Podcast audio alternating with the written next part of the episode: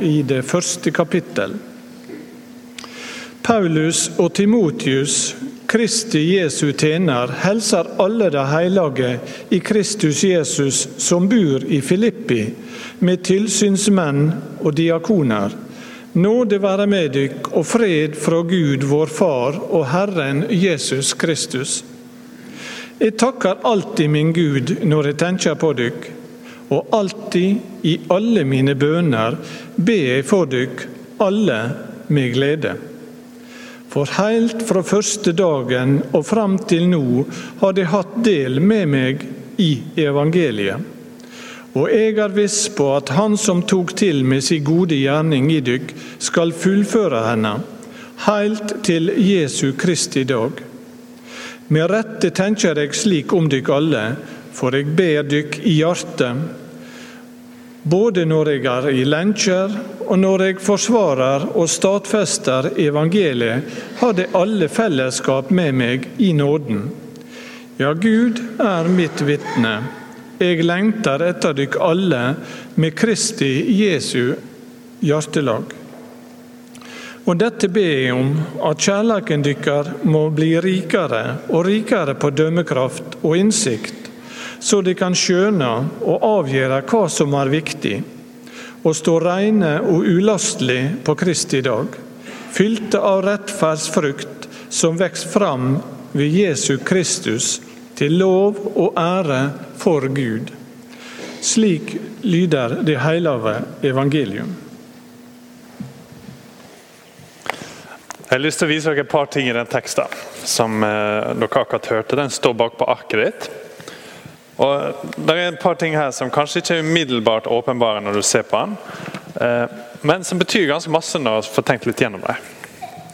Så Først så snakker Paulus om et stort håp han har. Og så snakker han om en stor bønn som han har for filipperne som, som han skriver dette brevet til.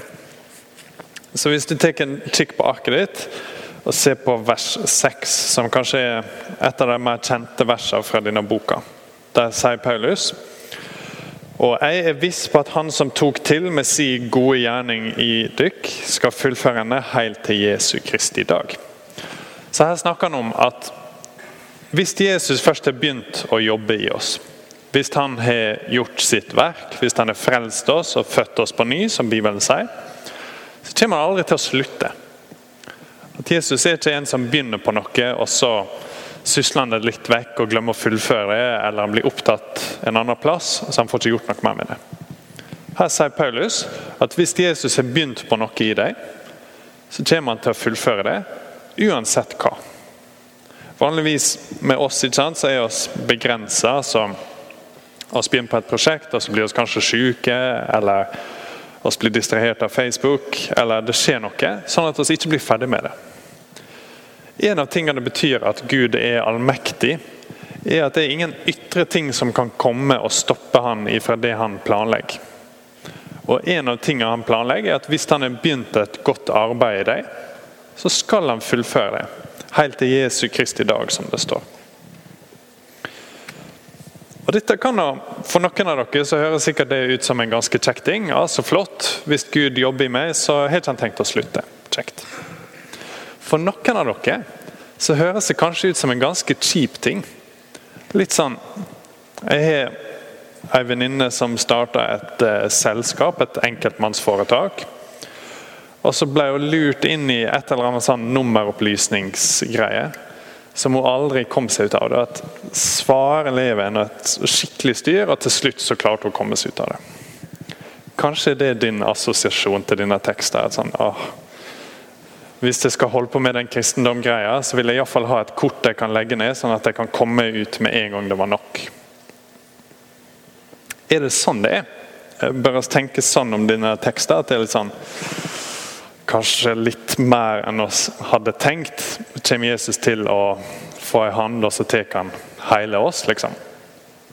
Jeg foreslår at vi ikke tenker på det sånn. Et bedre eksempel er å Synne, som nå er blitt født. ikke sant? Nå har hun fått sine foreldre. Hun kan gjøre ganske masse rart i livet, og det kan skje ganske mange ting. Men de kommer aldri til å slutte å være hennes foreldre. Og Litt sånn er det med denne teksten, at Jesus sier ok, dere er mine barn. Jeg har begynt en god gjerning i dere. Jeg skal aldri slutte med det. Mm, og På dette punktet er det mange som misforstår kristendommen litt. For En populær tanke er at som i andre religioner så sier kristendommen at det er viktig å være en god person.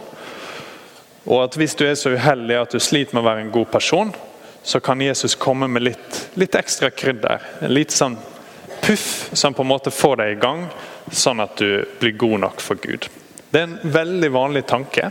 Eh, mange tenker sånn. Og Det kan ta ganske mange ulike uttrykk. Det kan være at du tenker hvis jeg kommer i kirka ofte nok, så kommer Gud til å smile litt mer, være litt mer fornøyd, og da kan det hende han tenker at jeg er en god person.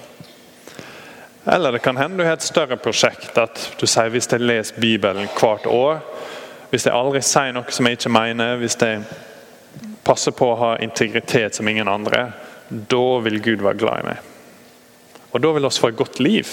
Tenk oss. Eller det kan hende at du tenker på en annen måte. At du tenker Gud er glad i meg uansett, men jeg er ikke så glad i meg sjøl. At utseendet ditt kanskje ikke er sånn som du hadde sett for deg eller håpt. Kanskje måten tankene dine fungerer på, er ganske tunge.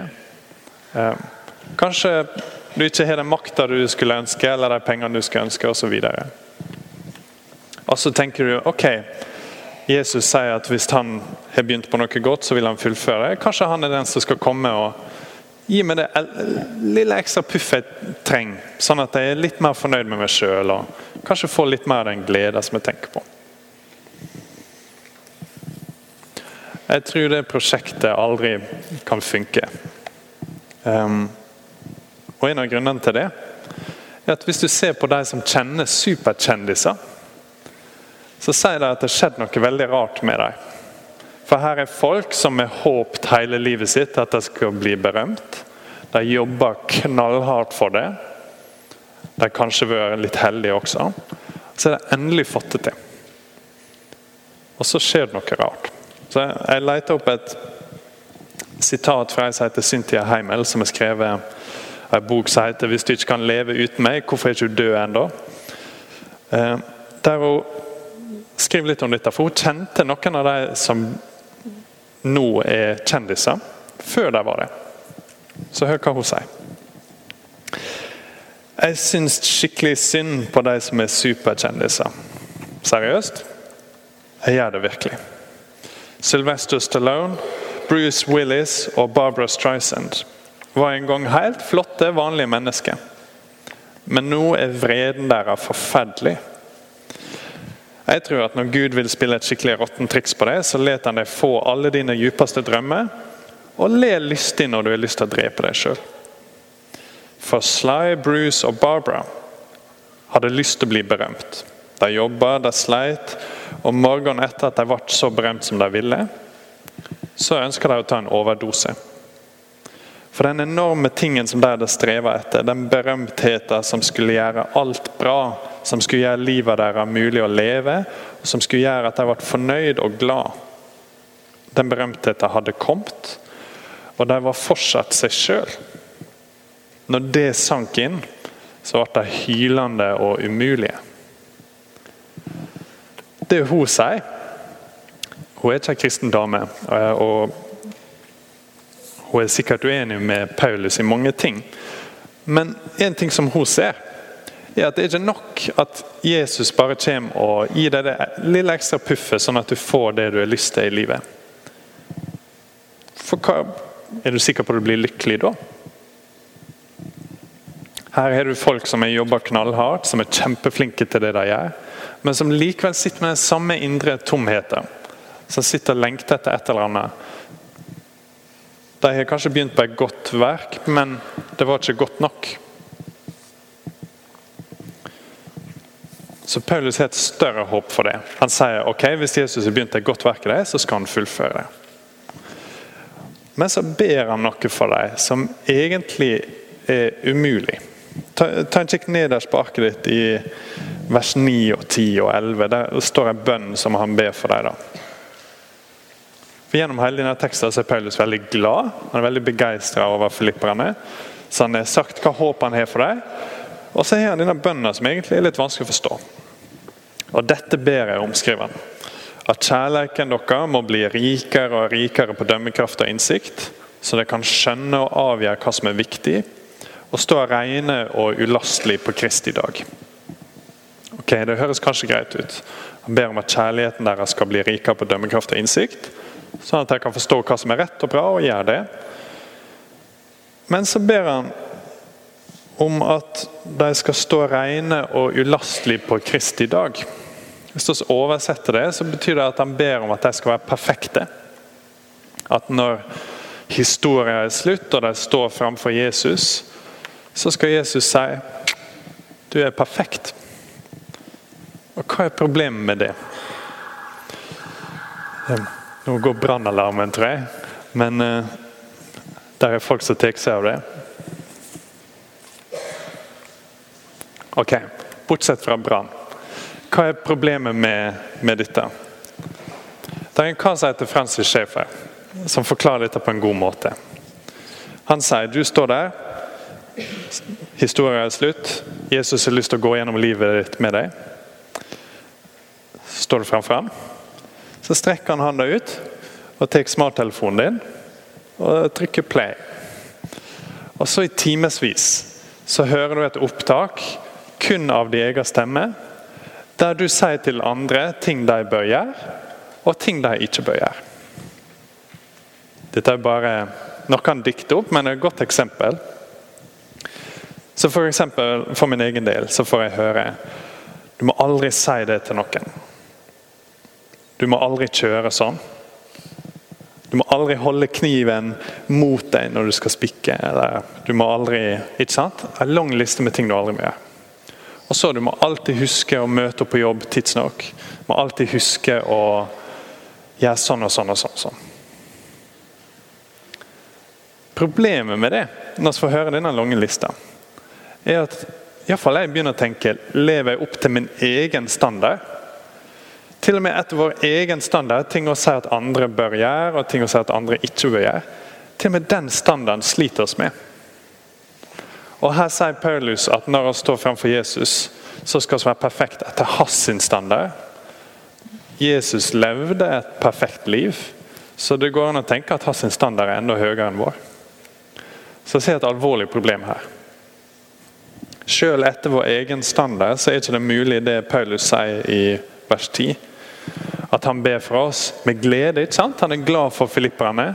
De skal stå framfor Gud ulastelige, rene, uten feil. Og han skal ta imot dem. Han skal fullføre det verket han har begynt i dem, og ting skal være bra. Og så tenker vi oss hm, Ok, jeg sliter med å leve opp til min egen standard. til og med. Hvordan skal jeg kunne leve opp til Jesus' standard? Hva er egentlig greia her? Det er det som står i det siste verset. For Paulus har ingen forventning om at filipperne skal klare dette sjøl. Han slutter med Det er litt sånn sammentrykt, dette, så greit å lese litt seint i lag. Fylte av rettferdsfrukt som vokser fram ved Jesus Kristus til lov og ære for Gud. Dette var ikke en greie som vi skulle fikse sjøl. Her er den vanligste, mis vanligste misforståelsen med kristendommen at kristendommen er for gode folk som trenger litt hjelp for å nå det ekstra nivået, sånn at Gud blir fornøyd. Det er helt feil. Hvis du tenker det, så inviterer jeg deg til å slutte å tenke det i dag. Kristendommen er for ødelagte folk. Folk som meg, og kanskje som deg, som ser at oss ikke når en standard. At vi ikke klarer å bli gode nok. At vi ikke finner det lykkelige livet med å bare prøve litt hardere, på de ytre tinga eller de indre tinga. Kristendommen er for oss som ser at dette funker ikke. Så det er bare én mulighet, som er det Paulus sier i denne teksten her. Det må skje ved Jesus Kristus. For det hele Bibelen handler om, er at Jesus kom for å gjøre det oss ikke kunne gjøre. Oss klarte ikke å fikse et liv som er perfekt. oss ikke å stå foran Gud og være rene og perfekte sjøl etter vår egen standard. Så hva skal vi gjøre? I slutten av evangelia evangeliet så går Jesus sakte, skritt for skritt, mot korset. Og En av de tingene som blir tydelig, er at disiplene, de som var heltene, de som sto han nærmest, og som oss kanskje tenker på som kristne superhelter, de svikta han én etter én. Judas begynte, han har vi hørt om. Men Peter svikta han. Der forsvant alle. Og Så var han igjen til slutt. og Så gikk han til korset. Og Så sa han mens han hang der til Gud at Hvorfor har du forlatt meg? Og så døde han. Så står han opp igjen. Og En av tingene som blir klart når han står opp igjen, er at han gjorde ikke dette for sin egen del. Jesus hadde ingen synd han skulle dø for. Her var en som sona en straff uten at det var noen grunn til det. Han var uskyldig dømt. Men han sona likevel en straff. Gud forlot han. Det kom et mørke, og det var en dom over ham. Fordi han sona vår straff. Han sona straffa til disiplene, de som hadde forlatt ham. Og han sona vår straff. Sånn at når oss står der og tenker at livet mitt er tomt, jeg blir aldri så god som jeg hadde håpet, eller når vi står framfor Gud og ikke kan vise til et perfekt liv Han trykker stopp, du har hørt timevis av deg sjøl sette en standard som du ikke klarer. Så kan han si denne standarden er umulig for deg, men den er ingen problem for sønnen min Jesus Kristus. Han har dødd for deg. Og med trua på ham, så får du del i hans død. Dette var ikke en ting som Jesus gjorde for seg sjøl, det var en ting han gjorde for deg. Når Jesus døde, så la Gud all vår synd på ham. Og tok all hans ære og rettferdighet og storhet og gi det til oss i en gave. Og så sier Jesus til oss at hvis han har begynt det verket i oss, hvis det har skjedd, hvis hans godhet har blitt lagt på deg, og de syndene har blitt lagt på ham, så skal han aldri stoppe det. Når det først har skjedd, så er det ingenting som kan komme i veien. Det kan skje forferdelige ting i livet ditt. Du kan føle deg forferdelig, eller du kan føle deg veldig bra. Og ting kan gå knall. Og Ingenting av det kommer til å komme i veien. Hvis han først har redda deg, kommer han aldri til å miste deg. Når jeg sier disse tingene, så vil jeg tippe at dere deler dere kanskje i tre grupper. Noen av dere sitter og tenker ok, jeg kjøper ikke helt denne kristendom-greia, men ok. Kanskje jeg er litt interessert. Det er kjekt å være her av og til. Hvis det er deg, så er jeg så glad for at du er her. Og så har jeg lyst til å være ei kirke der du er helt velkommen. Her trenger ikke å tenke akkurat sånn som oss gjør. Du er velkommen til å komme og undersøke og finne ut om dette er de greie. Du er også velkommen til å komme og spise litt kake og gå igjen. Så er det en annen gruppe av dere som kanskje er litt mer på glid. Kanskje du er, har tenkt på dette en stund, men jeg satt deg litt fast i den misforståelsen at du ikke føler deg god nok til å bli en kristen. Da håper jeg du har hørt det jeg prøvde å si i dag, at du kommer aldri til å bli god nok. Og det er ikke poenget heller. Poenget er å gå til Han, søke hans nåde, tro på Han og leve med Han. Så er det Han som skal være god nok. Så hvis det er deg, hvis du har lyst til å være en kristen, men føler at du ikke er, er der ennå, så kan du ta det valget nå. Og så er det masse husgrupper i menigheter der du kan komme hjem til folk og snakke med deg der. Men du kan også komme og snakke med meg eller noen andre her. Eh, så kan vi oppmuntre deg og forklare deg videre dette. Og så er det noen av dere som er kristne. Dere har kanskje vært det hele livet eller lenge. Og som tenker ok, jeg kjenner til alt dette. Hvis det er deg, så tror jeg denne teksten sier til deg at du bør være mer glad. Hvorfor går du og er så urolig hele tida? Hvorfor er du så misfornøyd med ting? Jesus har sagt her at hvis han har begynt et godt verk i deg, så skal han fullføre det helt til slutten. Så vær mer glad. Han vil aldri slippe deg. Minn deg sjøl på disse samme tingene. Du skal ikke være god nok.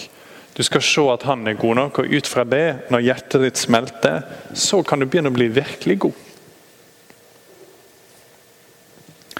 Uansett hvor du er, så vil jeg invitere deg til å be litt i lag med meg nå. Kjære far, oss takker deg sånn for at når Jesus har begynt si gode gjerning i oss, så garanterer han at han skal fullføre henne. Eh, og ser at han har gitt sitt liv for oss. Og Når det koster han så masse å kjøpe oss, så vet vi at han aldri vil glemme oss og aldri vil forlate oss. Vi ber virkelig om at vi skal bli fylt med rettferdigheten og den godheten som ligger i Jesus, sånn at vi kan stå framfor deg når historien er slutt. Uten skam eh, og uten sorg. For å se hvor god du er mot oss, og at du aldri vil slippe oss. Amen.